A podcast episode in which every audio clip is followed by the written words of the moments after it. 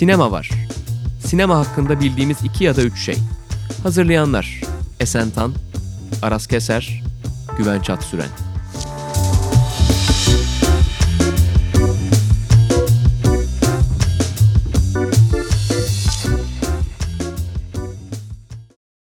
Herkese merhabalar. Sokrates Podcast'in Film Numarası İşbirliği ile hazırladığı ilk podcast'imize hoş geldiniz. Ee, bu hafta, ilk haftamızda Güven Çatsüren, Aras Keser ve ben Esen Tan sinema tarihinden en sevdiğimiz ilk filmlerden yani yönetmenlerin ilk filmlerinden biraz bahsediyor olacağız. Biz üçer tane seçtik. Onların üzerine sohbet ederken siz de umarım keyif alırsınız. Şimdi sözü ilk başta Aras Keser'e yönlendiriyorum. Şöyle aslında başlayabiliriz. Bu en sevdiğimiz filmler diye özellikle seçtik bu başlığı. Çünkü iyi diye bir yani o zaten çok tartışmalı bir kavram. Bir de en iyi ilk film deyince bir milyon tane film var ortada ve onların arasında en iyi seçmek gibi bir amacımız da yok. Bu herkesin zaten kişisel tercihiyle belirlenecek bir şey. O yüzden biz daha ziyade bu filmler içinde en sevdiklerimiz ve o yönetmenlerin işte ilk adımlarını takip etmek için hani bizim için özel bir anlam ifade eden filmler vesaire gibi şeyler düşündük. Hani çok büyük bir e, başlık olarak düşünmedik. Bunu sadece sevdiğimiz ilk filmler üzerinden bir biz de ilk programımızda konuşalım dedik aslında. Hatta ben böyle zamanlarda çok şey yapıyorum genelde. İşte en sevdiğin yönetmen, en sevdiğin ilk film dendiği zaman aklıma hiçbir şey gelmiyor. Ee, bayağı işte Google'da aratılıyor, o listeler çıkıyor. Aa bu onun ilk filmi miymiş, işte şöyle miymiş, böyle miymiş gibi bir sürü sorular havada uçuşuyor. Ee, onların arasından seçilen böyle güzide. Ya evet şimdi bu külliyatı tararken, hazırlanırken ilk başta işte geçen senle konuştuk. Yani neler neler ilk filmmiş gerçekten yani. Ve hani muhtemelen hiçbirimizin listesinde de olmayacak. Yani üçer tane filmimizde olmayacak. Hı hı. Devasa başyapıtlar var. Mesela birkaç tanesini ben söyleyeyim. Mesela Sidney Lumet'in ilk filmi olduğunu bilmiyordum ben. Twelve Angry Men'in. Öyle mi? Ben de bilmiyordum. Korkunç bir kariyer başlangıcı ama çok iyi. listelerimizi bildiğimiz için şu an diyorum ki üçümüzün de listesinde yok ama çok iyi bir ilk film. Yani sinema tarihine geçmiş bir film. Bunun gibi bir sürü başka film de olacak dışarıda kalmış. Evet, Donnie Darko yok mesela. Hani belki de tek iyi filmi. Belki de değil, bence tek iyi film zaten Richard Kelly'nin. Hatta 2000'li yılların en iyi 3-4 filminden biri belki ama işte ilk filmlerin her zaman için şöyle bir tavrı da oluyor. Hani daha ilk filminden bazı yönetmenler o mesajı vermek işte bakın artık o mesajı neyse mesela yetenekli olduğunu göstermek, çok şey bildiğini göstermek, entelektüel olduğunu göstermek işte ya da ne kadar mesela Lantimos'u düşünün hani onun tam ilk filmlerinde belki o agresiflik yoktu ama hani bir dikkat çekme çabası aslında bütün filmlerin ortak noktası diyebiliriz yani. Bu başlangıç olarak mesela benim aklıma gene seçmedik ama Christopher Boy vardı hatırlar mısınız? Yeniden Sev Beni diye bir filmi vardı. Ha, İzlandalı. Evet ya yani o mesela bence olağanüstü bir yani kariyer başlangıcıydı. Çünkü bir taraftan çok e, kendisine hayran bir yönetmen. İşte daha başlarken bile. Ama sonrasında baktığımız zaman şu anda adını bile mesela ben zor hatırladım. Şu anda konuşurken aklıma geldi. Filmi hatırlıyorum ama yönetmeni ha şuydu diye şu anda hatırlıyorum. Çok iyi bir başlangıç. Çok kendi gösteriş bir başlangıç ama devamı gelmemiş mesela. Ben bir de güncel olarak bu ilk film konusunda şöyle bir şey düşünüyorum. Ee, özellikle bu da Türkiye sineması özelinde de düşünüyorum ki yani sürekli film yönetmenlerin otobiyografik hikayeler çekip kendi memleketlerine dönüp kendi çocukluk hikayelerini anlatması artık hiç ilginç bir fikir değil. Artık bunu yapmasak mı diye sormak istiyorum. Çünkü bunlardan bu taşra hikayelerinden özellikle ki hatta bazıları taşralı olmayan genç yönetmenlerin taşra hikayeleri anlatan ilk filmlerinden birazcık uzaklaşmanın vakti geldi diye düşünüyorum ben. Subliminal mesaj vererek buradan e, cümlenin sonuna doğru uzaklaşmanın vakti geldi diyerek aslında bize neler demek istiyordu acaba Güvenç Atsüren? Ne taşra hangi, hangi mesela filmlerimizden bahsedebiliriz böyle ilk filmler arasında? Kasabadan bahsedebiliriz herhalde. Yani ha, ama ha, iyi bir örnek olarak kasabadan bahsedebiliriz. Ama işte o da ilk film olarak sonradan çok taklit edilen bir ilk film modeli ya işte. Bir de bana birazcık şey geliyor. Risksiz bir başlangıç aslında taşra sineması. Çünkü zaten hani yapacağın şey bellidir. Örnekleri de var. Hani bir kalıplar üzerinden ilerleyebiliyorsun. O yüzden çok fazla hani nasıl diyeyim risk almak istemeyen kendi sözünü söylemek için biraz erken olduğunu düşünen insanların hani nasıl olsa iyi yapılmış var burada deyip onun üzerinden ilerlediği bir tema ve Türkiye'de hakikaten de bir şekilde tutuyor, ilerleniyor. Yani bunu işte Nuri Bilge Ceylan başlattı ama yani Semih Kaplanoğlu da yaptı. Çok daha farklı bir şekilde yani yeni bir örnek olması için tabii ilk film de değil ama işte en son Emin Alper'in de işte yakında gösterime girecek Kız Kardeşler filminde de bir taşlı hikayesi var. Ama mesela Emin Alper'in yaptığı çok daha farklı bir bakış açısıyla yapılan bir taşlı filmiydi. Ama bütün bunların temelinde mesela ilk film olarak düşündüğümüzde sonrasında yani yerli sinemada, Türkiye sinemasında tuhaf örnekler de var. Mesela benim aklıma C Blok geliyor. Hani Zeki Demirkubuz'un sonraki filmlerinin hiç alakası olmayan aslında bir başlangıç ki şu anda kendisi de reddediyor mesela o filmin. Hani ben zaten onu yapmak istememiştim. Orada entellik yaptım falan diyor mesela yani. Ya hiçbir zaman aslında şuraya bağlayabiliriz. İlk filmler hiçbir zaman e, bir gösterge olmuyor. İyi ya da kötüye gidecek bir şeyin başlangıcı olarak bir gösterge olmuyor. Evet bir yeteneği hani tabii ki fark edebiliyorsun. Mesela Richard Kelly'de hepimiz o yeteneği gördük ama sonrasını getiremedi mesela. Ya da bir yeteneksizliği de görebiliyorsunuz. Ama Donnie Darko zamanı şeyi hatırlıyorum bu arada ben. İşte bu yönetmenden aslında çok da bir şey çıkmayacak. Yani kült bir film çıkartıyor ama hani sonrasında boşa da çıkabilir bu. Çünkü film aslında ne söylediğini de çok bilmiyor gibi. Hani böyle bir, bir şey var bir, bir ışık ama hani o nasıl bir ışık? Hani böyle cahil cesaretiyle yapılmış bir şey mi yoksa çok bilinçli bir hareket mi falan gibi tartışma dönmüştü. Ya Donnie Darko üzerinden konuşacaksak birazcık filmin gücü de aslında o bence o bahsettiğin tavırdan ileri geliyor. Biraz hani böyle hesapsız kitapsız bir Evet. film. Yani böyle Aynen. koşarak gidiyor hani söylemek istediği şey. Yani ben çok bayılmam mesela Donnie Darko'ya. Çünkü hani bazı yerlerde çok odağını kaybettiğini düşünüyorum ama yani yine de bu bahsettiğin sebepten dolayı yani böyle hesapsız kitapsız o yani nasıl diyeyim böyle heyecanlı bir film. Hani bir film yapmak için tutku ya o, o film yapmak için Richard Kelly'nin tutku duyduğunu, heyecan duyduğunu hissedebildiğim bir film. O açıdan hani dediğin şeyin ben olumlu olduğunu ama belki de o heyecanı kaybettiği için sonraki filmlerinin de aynı seviyede olmadığı gibi bir sonuç çıkabilir. Ya, evet heyecan aslında hep ilk filmlerin ana teması diyebiliriz. Yani ilk filmler her zaman bir heyecan başlangıcı vesaire. Sonrasında tabii ne olacağı hiçbir zaman bilinmiyor. Ama biz başlayalım. Mesela Güvenç'le başlayalım. Sen neyi seçtin? İlk Benim ilk ilk filmim e, John Huston'ın 1941 tarihli The Maltese Falcon filmi. Malta Şahini. Bir klasik. Güzel. Bir, bir klasik. Ee, bu John Huston'ın ilk filmi olmasının yanında benim kişisel olarak çok sevdiğim film noir türünün de aslında e, nasıl diyeyim tüm unsurlarıyla birlikte yer aldığı ilk film olarak da sinema tarihinde sıklıkla anılan bir film. Yani işte içinde femme fatale de var. Ee, çok böyle egzantrik suçlular, tuhaf görünüşlü, tuhaf tavırlar sergileyen suçlular var. Bir özel dedektifimiz var ki Humphrey Bogart kariyerinin devamında bu türün gediklisi olacak. Kariyerini buradan başlatmış bir, yani starlık yoluna buradan girmiş bir oyuncu olarak Humphrey Bogart var. Ve hikayenin etrafında döndü. Çok değerli bir işte nasıl diyeyim yapar dolu bir çanta veya bu filmde olduğu gibi bir heykelcik film adını veren Malta Şahine heykelciği var. Film noir'ın aslında ilk adımları ve ilk temeli, çerçevesi falan değil. Aynen önceki filmlerde hani sinema tarihinde bu janra yakın duran, bu janrın yolunu açtığı söylenen işte içinde femme fatale olmasıyla veya işte dediğim gibi bir değerli bir çantanın, değerli bir eşyanın peşinden koşan bir sürü başka insanın o değerli eşyaya sahip olma mücadelesini anlatan bir sürü film vardı ama tüm unsurların bir araya geldiği ve hani derli toplu bir şekilde anlatılmış ilk örneği diyebiliriz belki Malta Şahini için. Dolayısıyla ben böyle bir seçim yaptım. Bu arada John Aston özelinde de söyleyeceksek mesela o döneme o dönemde şaşırtıcı bir şekilde senaryosunu da kendi yazmış filmin. Ki kariyerinin devamında çok farklı iyi- türlerde evet, çok iyi filmler filmleri çekmiş. Var, evet. Sonrasında da çok iyi. Ya filmler var. Hollywood'un bence işte o Hollywood döneminin o işte 60'ların sonuna kadar devam eden o klasik Hollywood döneminin en önemli yönetmenlerinden biri. Ve aslında en gösteriyor zaten. dışı bir taraftan da. Yani kariyerine bakınca evet çok iyi filmler yaptı. Çok farklı türlerde çalıştı ama işte en son bu Orson Welles'le ilgili bir belgeselde de mesela John Huston'ın yani kendi kariyerinden nasıl bir adam olduğundan filan birazcık haberdar olmuştuk. Hani Hollywood içinde de biraz aykırı bir figür olması ve ilk filmi yani Humphrey Bogart dedim. Bence Humphrey Bogart'ın da hala yani belki de ilk performanslarından biri ama en iyi performansıdır hala benim gözümde. Ya ben O bir Casablanca'daki halini de çok severim. Ben bir de In a Lonely Place'deki şeyi çok olağanüstüdür mesela Nicholas Wayne.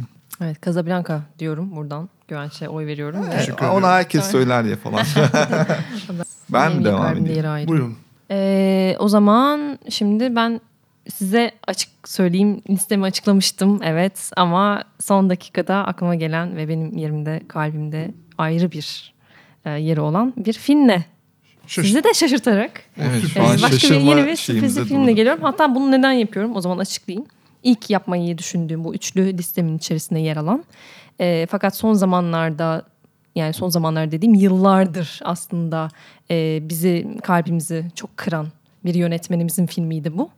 Allah'ım şu an Ee, heyecanlanmaya başladım. Çok tuhaf bir şey. suçlamalar üzerinden, hakkındaki suçlamalar üzerinden bizi böyle Aa. artık sen film yapma ve lütfen artık festivallere de katılma. Lütfen artık görünürde bir yerde dolaşma deme dediğimiz Şu an tahmin e, ettim yani. Roman Polanski'nin Knife in the Water filmini ben çok severim. Allah belanı versin Polanski diyelim buna. Öncelikle Fakat- Allah belanı versin. Sonra ilk filmden bahsedebiliriz evet. Evet, çok güzel bir film. Üzerine belki saatlerce konuşabiliriz. Ama ben onu söylemeyeceğim. Çünkü çok kızgınım ve değiştiriyorum. Knife in the Water'ı seçmemiş. Oo, Evet, seçmiyorum şu an şu, anda. twist oldu bir evet. Şu an bayağı şaşırdık şu an. Evet O ikinci zaman- kez şaşırıyoruz. Bu çok şaşırtıcı bir başlangıç gerçekten. Acaba nedir? Yine dinleyicilerimizi de adeta e, ayrı bir şeye sürükleyeceğimiz filmimi söylüyorum. Duncan Jones'un Moon'u.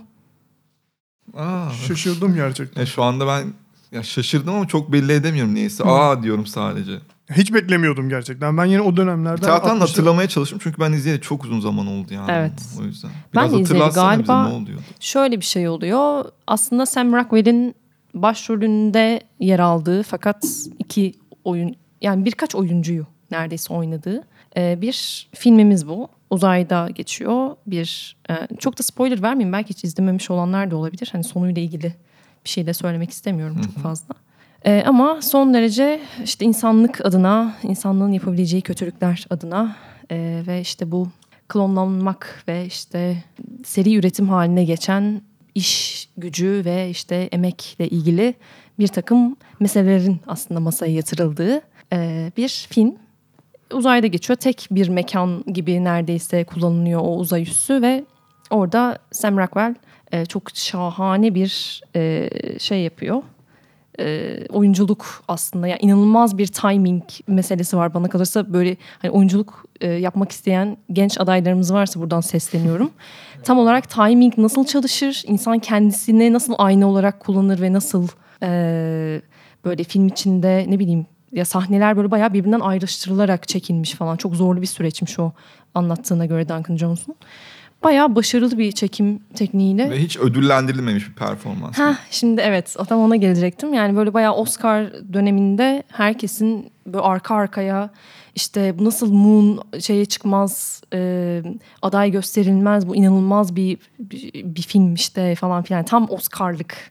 Çünkü şeyden bahsetmiyoruz bu arada hani filmin belli bir süreçte aslında mainstream'e hitap eden bir film olduğunu da burada söyleyelim.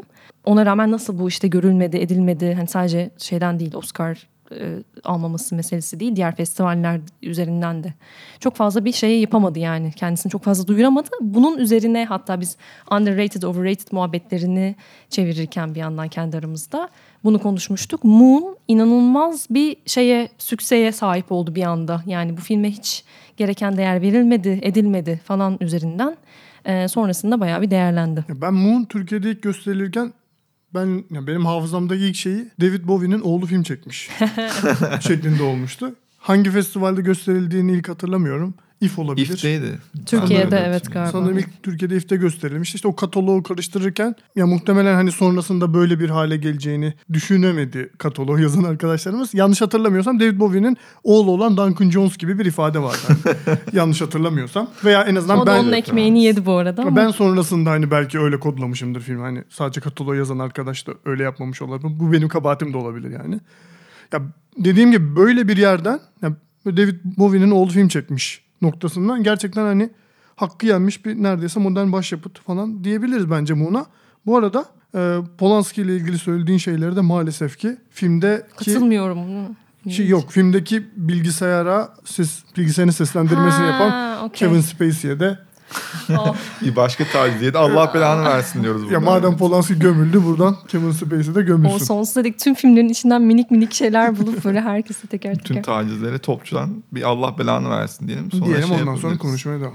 Ee, ben devam edeyim o zaman. Benim ilk tercihim e, 1969 yapımı e, Rainer Werner Fassbinder'in ilk filmi Love is Colder Than That. Bu tabii en başta kişisel bir seçim çünkü yani sevdiğim bir yönetmenin ilk adımı olduğu için e, önemli benim açımdan. Ama sıra dışı bir örnek olduğu da seç, olduğu için de seçtim. Çünkü e, diğer Fassbinder yani sonraki Fassbinder filmleriyle karşılaştırınca e, çok da onlarla alakası olmayan bir film Love is Colder Than That. E, daha öncesinde zaten iki kısa filmi var. E, Little Trumpet ve Little e, Chaos diye. Onların ikisi de çok konvansiyonel sinemaya yakın işler. Ama burada tiyatroda daha ziyade yani action tiyatro ve e, anti tiyatroda ki aynı ekiple çalışıyor zaten filmde de. Orada sürekli üzerine gittiği o Brechtian estetiği bir anlamda sinemaya taşımıştı. Aslında iki tane filmin etkilendiği biçimsel anlamda iki insan var. Biri Bertolt Brecht, diğeri de Jean-Luc Godard. Godard'ın özellikle Band of Outsiders filmini çok andıran bir filmdir mesela. Özellikle kareleri, işte kameranın durduğu yer vesaire. Ama Fassbinder'in sonraki filmlerinde de takip edeceğimiz o ilk adımını içerik anlamında görebiliyoruz. Çünkü Hanna Şigula var zaten en başta. Yani filmlerin sonraki bütün filmlerinde görebileceğimiz. Fassbinder'in kendisini canlandırdığı e, Frans karakteri var ki sonraki bir sürü Fassbinder filmlerinde Frans ismini duyacağız. Bir de e, üçlü bir aşk üçgeni diyebileceğimiz bir e, hikaye var ortada. Ama bu bahsettiğim şey yani Fassbinder kesinlikle anlatıyla ilgilenmiyor ilk filmi olduğu yani bu filminde. Çünkü e, biraz biçimsel bir çabaya girmiş, bir agresif bir başlangıç yapma çabasına girmiş ve bence bunu çok iyi başarmış durumda. E, film zaten Berlin Film Festivali'nde gösterilmiş ilk açılışında ve orada da yuhalanmış. Ve Fassbinder de bundan gayet hoşnut kalarak ben zaten anarşist bir şey yapmıştım vesaire diyerek bu yuvalamaları çok sevgiyle karşılamış. Filmin içinde aksiyon adına yani bir film noir olmasına rağmen hiçbir şekilde aksiyon adına bir şey yok. e, Çatışma yok. Uzun uzun yürüyen karakterler var. Ufak tefek hırsızlıklar var. Benim açımdan daha sonradan Douglas Sirk'e kayacak o melodram kafasının bir önceki adım olarak yani işte biraz daha biçimsel denemeleri yapan Fassbinder olarak çok değerli bir başlangıç ve çok ilk film adına çok cesur bir başlangıç olduğu için aldım aslında. O yüzden hani başlangıç benim açımdan da başlangıç olarak Fassbinder'i izlemek açısından da çok çok önemli ve değerli bir film yani. Peki doğru başlangıç olduğunu düşünüyor musun Fassbinder sineması için? Mesela İlk hiçbir Fassbinder izlememiş filmi birine önerir Ha misin? izleyecek ha yok hayır. Bu arada galiba bahsettiğimiz filmlerin hem yani Moon'u söyledim ben. Evet yani Duncan Jones için zaten herhalde üç tane filmi var henüz. Sonra bayağı ana akıma girip işte Warcraft falan, falan çekti. çekti etti source code'lar falan. Yani onlar mesela hiç doğru şeyler değil aslında bence. Evet ya o, o aslında ayrıca konuşulabilecek bir şey. Yani bir Evet. yönetmeni yani zaten şu anda hali hazırda 15-20 tane film yapmış bir yönetmene başlamak için ilk filmini seçmek evet. ya Fassbinder açısından evet doğru bir tercih olmaz bence yani. O zaman ben doğru tercih olabilecek bir filmle devam etmek istiyorum izninizle. Aa, hangisi? Çok bayağı güvenli bir seçim olan François Truffaut'un 400 darbesi. Ya gerçekten. Evet şu an %100 inanılmaz. sıfır risk yani. Evet. ya ben bunu şundan seçtim. Hem benim kişisel sinema severlik serüvenimde çok önemli bir yerde duruyor. Benim birkaç tane filmden bir tanesi hani sinema üzerine kafa yormaya başladım. Daha derinlemesine düşünmeye başladığım filmler üzerine. Onlardan bir tanesi 400 darbe. Bir yandan da hani sinema tarihine yön vermiş Fransız yeni dalgasını ilk denmese bile denemeyecek olsa bile yani şey, atlama tahtası olan filmlerden bir tanesi. Bir yandan da sonrasında sinema tarihine damgasını vuracak bir baş bir oyuncunun Jean-Pierre Lyon'un ilk oyunculuk performansı. Ee, Dolayısıyla bence böyle bir Her seçkide anlamda- olması gereken bir Her film. anlamda bir ilk. İlk film ve aslında şundan da bence çok önemli. Biraz önce bahsettik ya hani şu an yönetmenler hani çok güvenli sularda yüzüp otobiyografik hikayeler çekiyor vesaire gibi. Mesela 400 darbede Truffaut'un kişisel hikayesine çok yakın. İşte ana karakter Antoine Doniel gibi Truffaut da işte küçük yaşta yetiştirme okuluna giriyor falan işte ailevi problemleri var.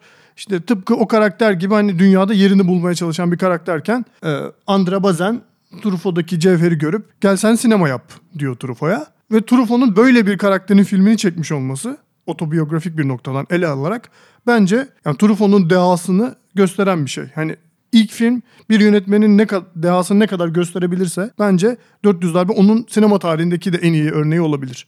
Yani çünkü zaten bu bahsettiğimiz nedenlerden dolayı yani kendi içinde de çok iyi bir film olmasından bağımsız olarak bir yönetmenin yani hatta maalesef ki çok kariyerinde ortalarında ki bir döneme denk gelecek bir dönemde hayatını kaybeden bir yönetmenin dehasını her şeyiyle yansıtan bir film olduğunu düşünüyorum 400 abi. O yüzden bu kadar safe choice bir seçim yaptım açıkçası. Ya ilk belki de evet seninki en doğru tercih. Çünkü bir akımı da başlatan, bir oyuncunun kariyerini de başlatan ve bir yönetmenin yani çok büyük bir yönetmenin kariyerini de başlatan yani her anlamda kırılma noktasında bulunduğu için Evet yani ben itiraz etmiyorum. Teşekkür ederim. Ama tabii çok yani risksiz. evet klişe aslında falan diyormuşum. Yok yok öyle de bu arada bence. evet canım. Yani çünkü ilk film deyince başka ne gelir ki insanın aklına? Güvenç yanlış anlamadı yani. Yok, doğru doğru. Tüm suçlamalara hazırım yani bu noktada bunu seçtiğim Yani için ama bir şu yandan an da bir k- karar verseydik hani ilk filmler diye bir şey yapalım diye hemen herkes 400 darbe derdi zaten yani. Ama bir yandan Çok şey çok ya, ilginç pardon. hani safe choice olmasının da ötesinde ben güvenç tanıyorum.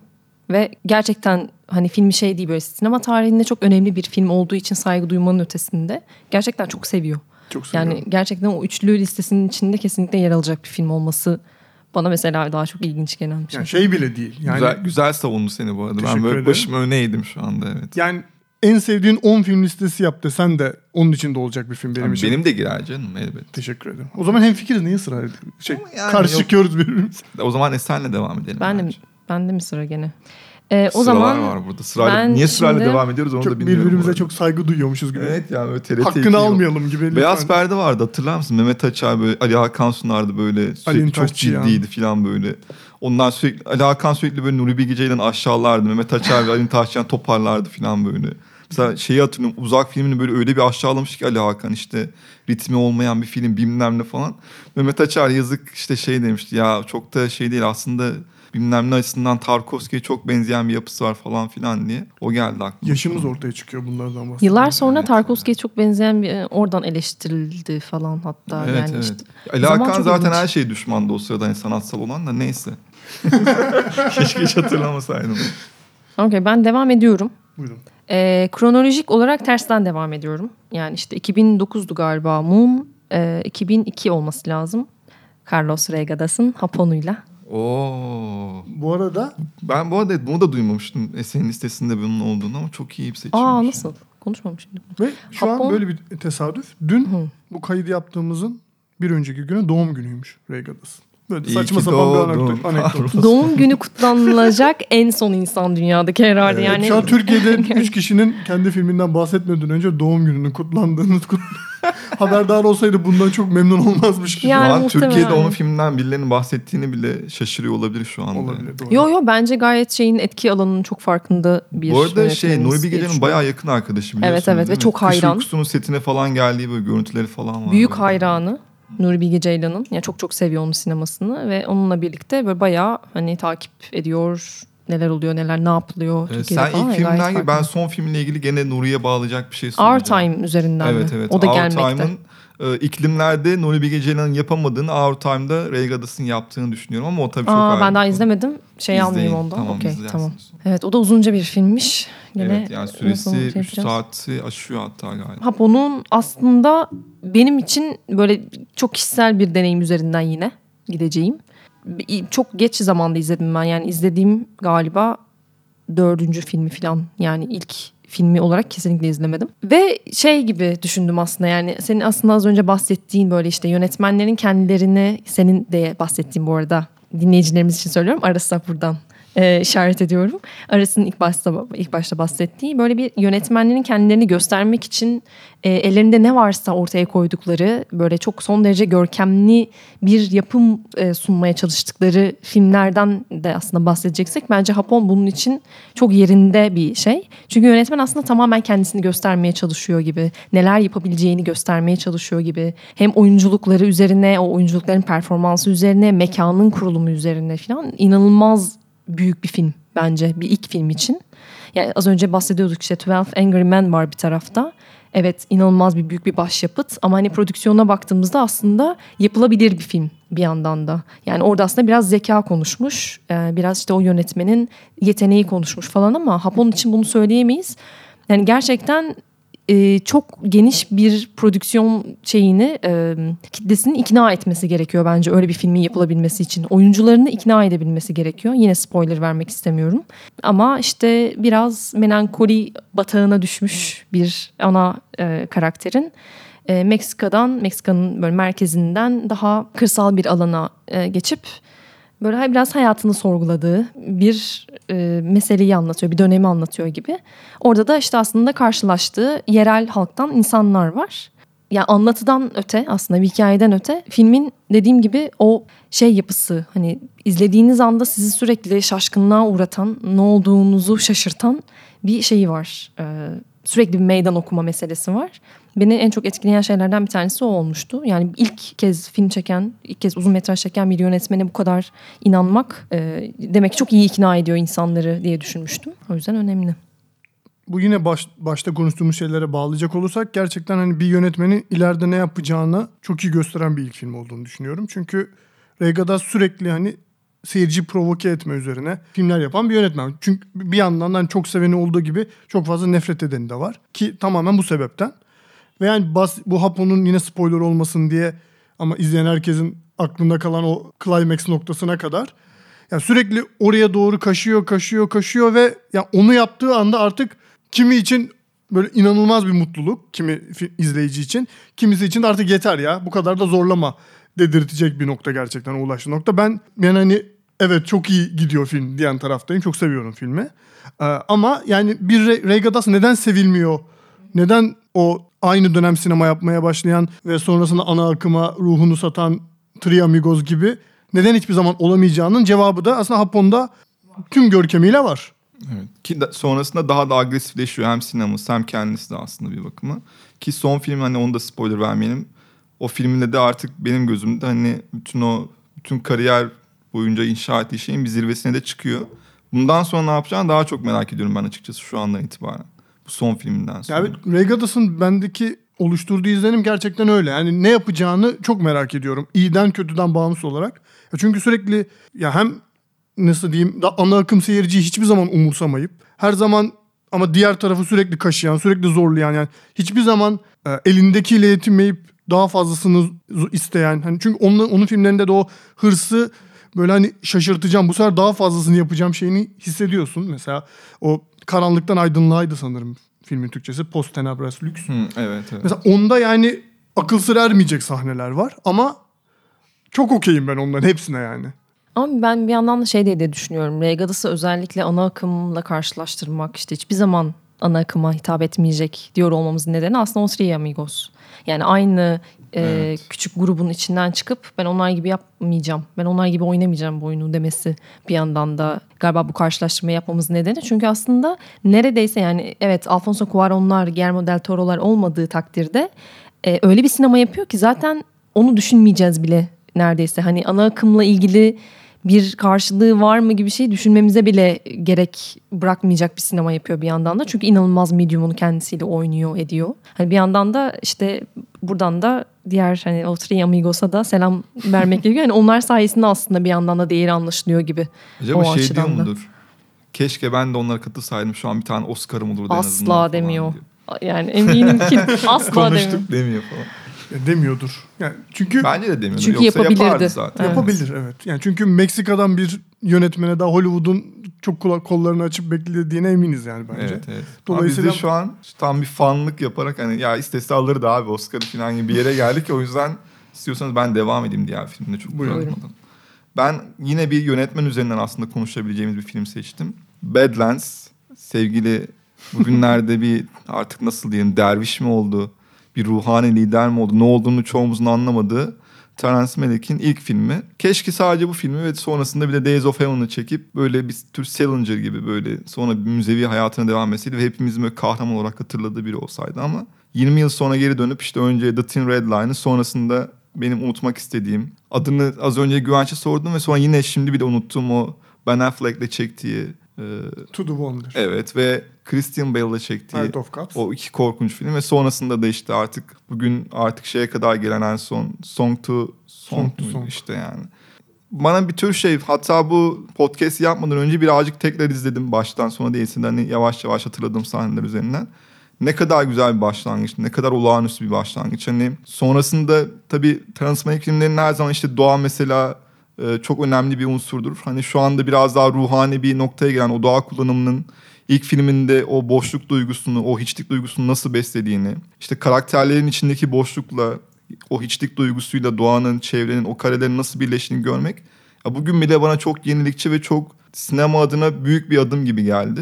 Ya filmi yani izlememiş olanlar için ufak bir özet geçelim. Güney Dakota'da işte e, bir tane çöpçü Martin Sheen'in canlandırdığı Kit adlı bir karakter ve onun tanıştığı 15 yaşındaki Holly adlı kız arkadaşının Bonnie and Clyde'den hatırladığımız hikaye örgüsüyle yavaş yavaş önlerine çıkan herkesi öldürüp bir arabaya binerek işte kaçmalarını ve sonrasında da medya tarafından işte kahramanlaştırmalarını anlatır. Film aslında iki filmden tabii yola çıkıyor. Birisi Arthur Penn'in işte meşhur Bonnie and Clyde'ı. Bir de benim hatırladığım kadarıyla yani çok benzediğini düşündüğüm Fritz Lang'in Fury filmi. Bu iki filmden de çok fazla esinlenir ama işte karakter noktasında öyle bir e, yenilikçi bir karakter yaratır ki Terence Malick. Yani bu karakterin hiçbir şekilde tutkusu yoktur. Kitten bahsediyorum. Ee, bir anlam arayışı yoktur. Yani dünyayla kurduğu ilişki biçimi anlam üzerinden hiçbir şekilde ifade bulmayan tamamen anlık ve bunu yaparken herhangi bir yani Freudian bir şey de yok. Yani psikolojik olarak bir yere bağlayacağınız bir şey de yok. Ve bunu yaparken hiçbir şekilde bir anlam arayışı olmadan insanları öldüren, insanları öldürdükten sonra işte e, şapkasının filan kontrol eden ya şapkam kötü mü duruyor falan filan gibi şeyler söyleyen ki filmin hani bu bir spoiler olmayacak ama sonunda mesela çok ünlü bir diyalog vardır. Sorar mesela polis ona hani neden insanları sevmiyor musun der mesela. O da der ki yo iyiler falan der. O zaman niye bunları bu insanların hepsini öldürdün? O da şey der yani suçlu olmak istedim ama işlerin bu kadar büyüyeceğini beklemiyordum der mesela. Hani gerçekten de bu amaçla yapar. Hani amaçla eğer bu. İşte bütün bu boşluk duygusunu, hiçlik duygusunu, bütün o özellikle kit üzerinden kurduğu o boş vermişlik duygusunu o kadar olağanüstü bir şekilde görselleştirir ki şu an bile yani bir ilk film olduğuna inanmak çok zor o filmin. İşte benim açımdan Malik'in eski filmlerine dönmek bir nostalji duygusu yaratıyor çünkü ya bu adam çok acayip bir şey olabilirdi ama olmadı duygusu bende oluşuyor açıkçası. Bu bahsettiğin hiçlik duygusunu şu an ruhani bir şeyle doldurma gibi bir güdü içerisine girmiş olması Badlands'e döndüğümüzde ve Days of Heaven'a döndüğümüzde bana hiçbir yere oturtamıyorum yani o fikri. İnanılmaz şaşırtıcı bir şey. Çünkü neredeyse şu an yaptığı filmlerin bir yani antitezini yapmış gibi sanki kariyerinin başında. Yani çünkü bahsettiğin o işte geniş düzlükler, işte o boşluklar, karakterlerin içinde kayboldukları kadrajlar vesaire.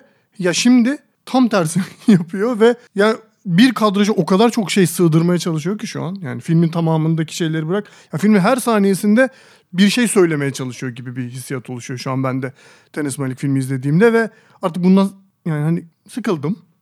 Ama yani Days of Heaven'a da ve Badlands'e de yani defalarca izlenebilecek gerçekten başyapıtlar. Keşke dediğin gibi o Days of Heaven'ı yaptıktan sonra kaybolduktan sonra dönmeseydi gibi bir şey oluşuyor. Çünkü ben The Thin Red Line'ı bayağı sonra çok yakın vakitte izledim. Ki o zaman böyle hani dev bir başyapıt vesaire gibi lanse edilmişti. Biraz da Eray'ını kurtarmakla aynı dönem geldiği için işte o hani biraz daha Amerikancı bir film, biraz daha militarist bir film. Bu daha böyle humanist bir film falan gibi ama aslında şu anki Terence Malick'in gelişini de tırnak içinde söylüyorum müjdeleyen film The Thin Red Line'mış yani. Çünkü bayağı hani böyle dış ses dış sesin böyle şiirsel kendini ifade etme çabaları vesaire onlarla dolu yani film gerçekten. Dış ses deyince mesela filmde de yani Badlands'te de dış ses vardı. Holly sürekli hikayeyi anlatır. İşte mesela şey diye başlar çok ünlü bir replikle hani bu hikayenin Montana'da biteceğini hiçbir zaman bilmezdim der mesela. Hani bir dış ses vardır ama o dış sesin kendisi bile o kadar olup bitenden böyle ilgisiz, bütün olup bitenden çok o kadar uzak bir sestir ki ya şu anda gerçekten Güvenç'in dediği gibi bu noktaya gelmesi, bu anlam arayışı ve bu anlamı hani ruhani şeylere şeylerde araması aslında ve o filmlik yani ilk filmindeki o sıkılmışlık duygusunun o olağanüstü görselleştiği boşluk anlarını şu anda tamamen ruhla doldurmaya çalışması, bir anlamla doldurmaya çalışması ya korkunç bir dönüşüm benim için. Yani aslında galiba Terence Malick'in o şeyi gibi böyle gençken daha genç yaşlarında aslında hayatla neredeyse dalga geçerken çektiği ve hani böyle tüm o e, Badlands'taki şey de o biraz böyle mitleştirilen bir şey var. E, büyük bir hikayeymiş gibi hani böyle o karakterlerin kendilerinin yaratmak istediği bir e, dünya var neredeyse ve hani zaten onunla neredeyse biraz oynayan ve o mitleştirme meselesiyle de aslında dalga geçmeye çalışan bir tarafı varken şu anda böyle çok ciddi bir yere doğru hani gittikçe kendi sinemasına daha da inanan böyle daha da aslında daha büyük bir şey yapıyormuşçasına çok önemli bir şey yapıyorum ben galiba çok büyük bir yönetmenim ya bir saniye o zaman çok daha ciddi bir şey yapmalıyım diyen bir tarafa doğru kayıyor. Bu birazcık üzücü. Kendi parodisine dönüştü diye bitirebiliriz belki de. Evet. Gerçekten Bence de. ya üzücü ama bu oldu yani. Maalesef öyle. Ben üçüncü ve son filmimle devam ediyorum. biraz şaşıran olabilir buna. Özellikle Aras'tan bir şaşırma bekliyorum Evet şu an. bunu ben de bilmiyorum. Ben hiçbir şey bilmiyormuşum ya. Ee, biliyorsun bu arada. Öyle mi? Evet. Ee, La Chaunemes'in Ha evet biliyorum. 2015 yapımı Tamam tamam. filmi Sa Shaul diye okunuyormuş galiba. Sonradan öğrendim ben. Shaul'un oğlu. Hemen aklım, hemen aklımdan silmişim kusura bakma. Estağfurullah. ben bu filmle ilgili son dönemde yapılmış, yani son 10 yılda yapılmış en ilginç biçimsel denemelerden bir tanesi olduğunu düşünüyorum. Bence kıymeti bu.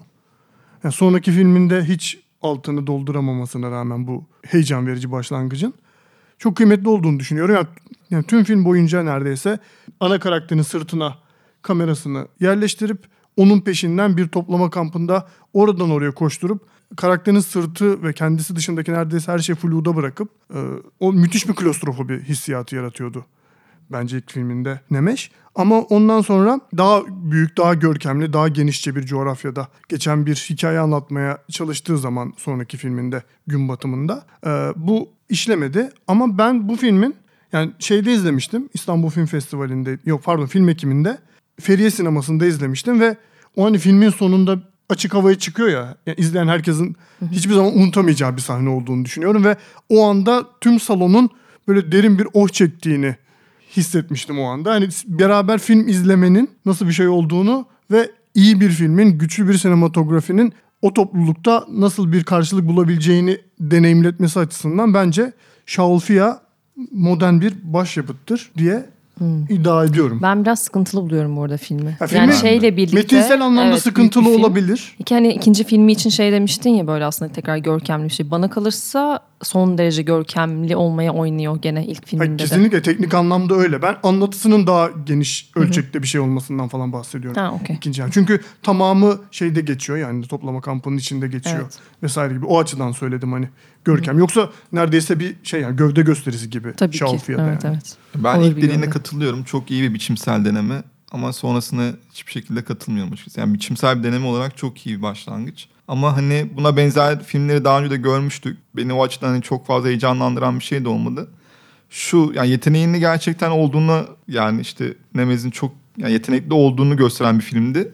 Ama Sunset e, öyle bir büyük yani dibe vuruşu oldu ki şu an ben Şarlüfiya'nın e, gerçekten e, ya şu anda bakınca Şarlüfiya'nın da hani güzel bir başlangıç ama biçimsel denemeden öteye geçen bir çaba olduğuna inanmıyorum açıkçası. Ya ben o toplama kampındaki hissiyatın o içine kapanıklık, o klostrofobi durumunun bu biçimsel denemeyle çok iyi çalıştığını düşünüyorum. Yani bence yani o açıdan sinema tarihinde bir sürü örneğini gördüğümüz bu toplama kampı, neredeyse alt tür diyebiliriz buna.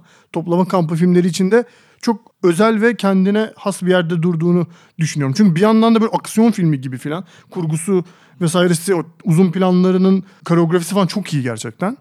Dolayısıyla çok özel bir film olduğunu ama Nemes'in şu an ne yapacağını, bir sonraki adımın ne olacağını merak ediyorum ben de Sunset'ten sonra.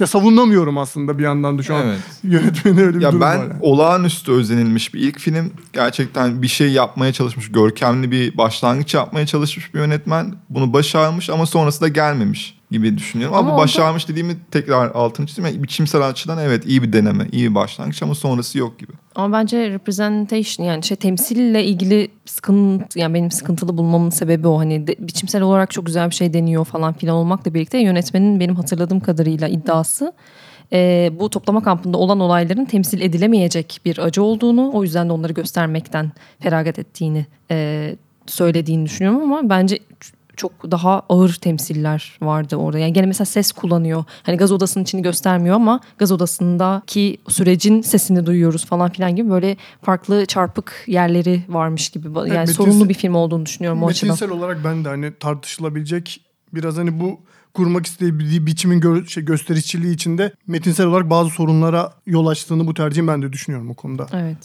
O halde oradan daha artık hiçbir şekilde tartışmaya açık olmayacak son filmine Orası belli olmaz. falan. gelir. Ya Yok, ben evet, bir bu arada. tartışma çıkarmak istiyorum ama çıkaramıyoruz bir türlü. Yani hep iyi filmler seçmişsiniz arkadaşlar. Ama Evet. sana o salda çıkardım da şu an çok ikna oldum Esen'den sonra. Evet o zaman ben buradan tekrar sizin böyle o seslerinize işaret edecek Endülüs köpeği ile. Evet teşekkür ederim.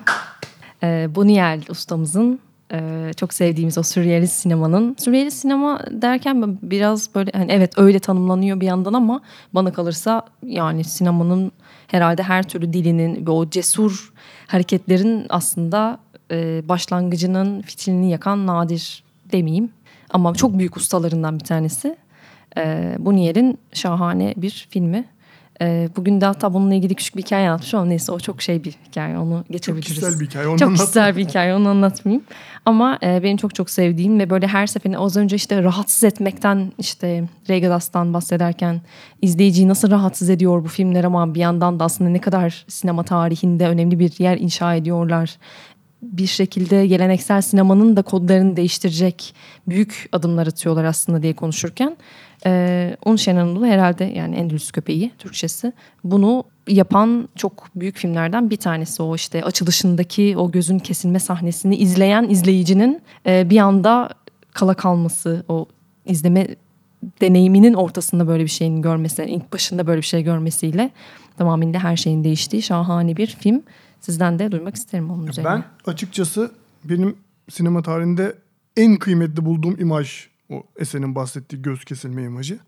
Dolayısıyla yani çok ayrı bir yere koyarım ve 29 yılında 1929'da Buñuel ve Dali bu filmi böyle yapmasaydı sinema sanatının başka bir şey olabileceğine dair yani böyle Büyük çok iddialar. antropolojik falan tartışmalar açmayacağım tabii şu an ama ben böyle olduğuna inanmak istiyorum. Filmi de çok sevdiğim ve Buñuel'i çok sevdiğim için. Çünkü yani tamamen işte çok basit hikayeler, edebiyat uyarlamaları vesaire gibi bir yerden akarken sinema bambaşka bir şekilde imajlar üzerinden yani sonsuz bir derya olabileceğini göstermiş bir film aslında Endülüs Köpeği sinemanın.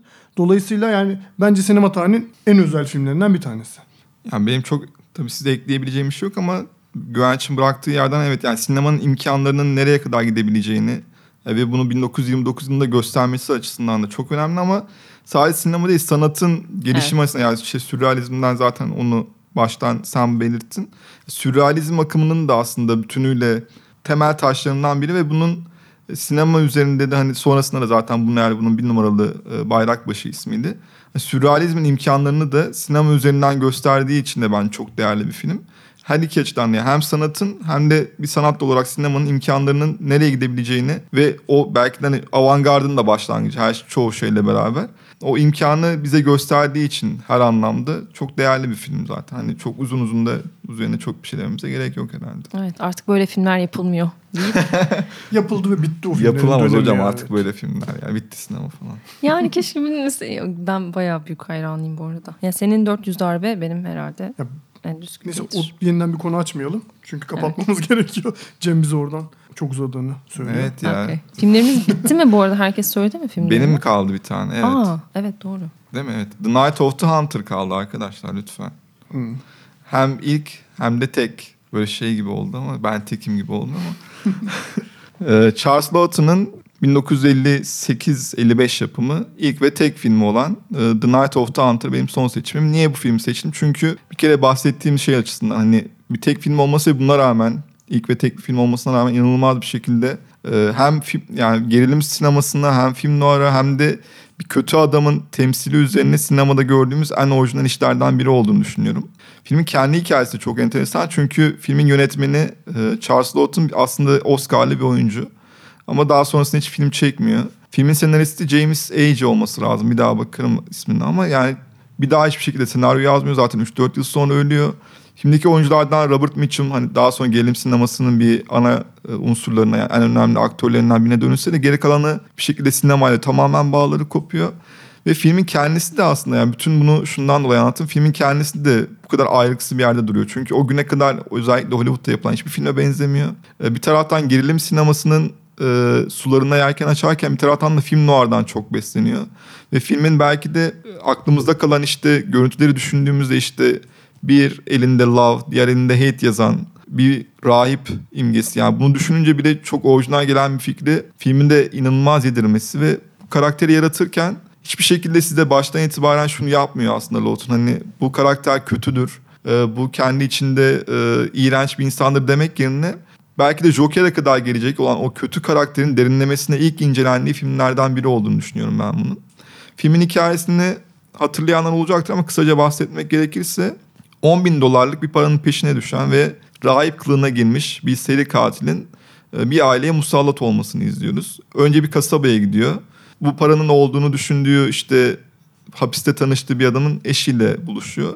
Sonra onun çocuklarına o parayı söylediğini bildiği için yani paranın nerede olduğunu çocukları bildiği için çocuklarıyla böyle baba figürü olarak onlarla iletişime girmeye başlıyor. Yani bir anlamda hapiste ölen asıl babalarının yerini ikame etmeye çalışırken bir yandan da onların en büyük katili ve düşmanı oluyor. Ama bütün işte bunları yani filmin konusu bu ama bunu anlatım şekli, ışık ve gölgeler ve o güne kadar belki de Hollywood'da da dünya sinemasında hiç görmediğimiz sıra dışı kamera kullanımlarını vesaire düşününce hem orijinal hem ilk ve tek olması açısından bence hala yeri çok da doldurulabilmiş bir film değil. Sonrasında belki de asıl önemlisi hani hem Scorsese gibi David Lynch özellikle e, bu filmden yola çıkarak hem saygılarını sunup hem de kendi filmlerinde bir sürü referans vererek bir anlamda zaten şöyle de bir özelliği var filmin. Uzun zaman keşfedilmiyor. 90'lı yılların başına kadar hakikaten keşfedilmiyor. Sonrasında işte bir kütüphanede bulunduktan sonra restore ediliyor vesaire vesaire. Yani bu günümüzde tabii daha kolay ulaşılır bir durumda. Bu açıdan da hani geç keşfedilen bir başyapıt olması açısından da bence çok farklı bir yerde duruyor yani sinema tarihi açısından. Ben hani çok fazla söylemeyeceğim filmle ilgili bir şey ama bahsettiğim Niye? söyleyeceğim her şeyi söylediğin için. Ama gerçekten şeyi ben de altını çizmek istiyorum ki Robert Mitchum'un oynadığı karakter sinema tarihinin en komplike karakterlerinden en böyle yani tanımlanamaz karakterlerinden bir tanesi gerçekten. Yani ne gerçekten iyiliğine ne gerçekten kötülüğüne inanabiliyorsun falan. Yani çok iyi yazılmış ve çok iyi oynanmış ve çok iyi yönetilmiş bir karakter. Yani ben, yani şey sinema tarihinin en özel anlarından bir tanesi kamera önünde gördüğümüz anlar o karakteri. Evet çok güzel özetlediniz. Söyleyecek hiçbir şeyim kalmadı. Ama ben de işte David Lynch sineması üzerinden aslında ismini fazlasıyla duydum ama hala izlemediğim filmlerden bir tanesidir bu arada. Aa. Evet. Bir dahakine şey yapalım. Hepimiz o filmleri seçelim. Eğer izlemediysek izleyip öyle gidelim. Ve dersimizi çalışalım arkadaşlar. Yo bence bu şey güzel bir şey. Ben bu filmi izlemedim üzerinden gitmek şey olabiliyor. Yani aa evet Hmm. izlemedim ve bundan sonra Merak yaratıyor. mi? Evet. Evet evet. Bu da bir bakış açısı. Yani dinleyicilerin de arasında izlememiş olanlar olabilir. Onlar da bundan sonra Yine izleyecek kimse olabilirler. Başımı öne eğdim. Evet haklısınız anlamında. Sürekli ikna ediliyorsun. Evet ya boyunca. hep bir şekilde bir şeye giriyorum ve sonra yenilgiyle çıkıyorum oradan yani çok kötü Estağfurullah. oldu. Yenilgi demeyelim de hani ikna oluyoruz diyelim. Ben alışığım şey ya. Okey o zaman filmlerimiz artık konuşuldu, edildi. Ee, umuyoruz ki siz de keyifle dinlemişsinizdir. Belki aralarından izlemediğiniz filmler varsa belki bu akşam, belki yarın, belki bu önümüzdeki haftalarda, aylarda izleyeceğiniz yeni güzel seçkiler de olmuştur sizin için diye umut ederek ilk programımızı sizlerin huzurunda kapatıyoruz. Her hafta Sinema Var'da bu haftakine benzer film seçkileri ve sinema üzerine konuşacağımız ve zaman zaman konukların da aramıza katılacağı podcast serimizi takip etmeye devam edin.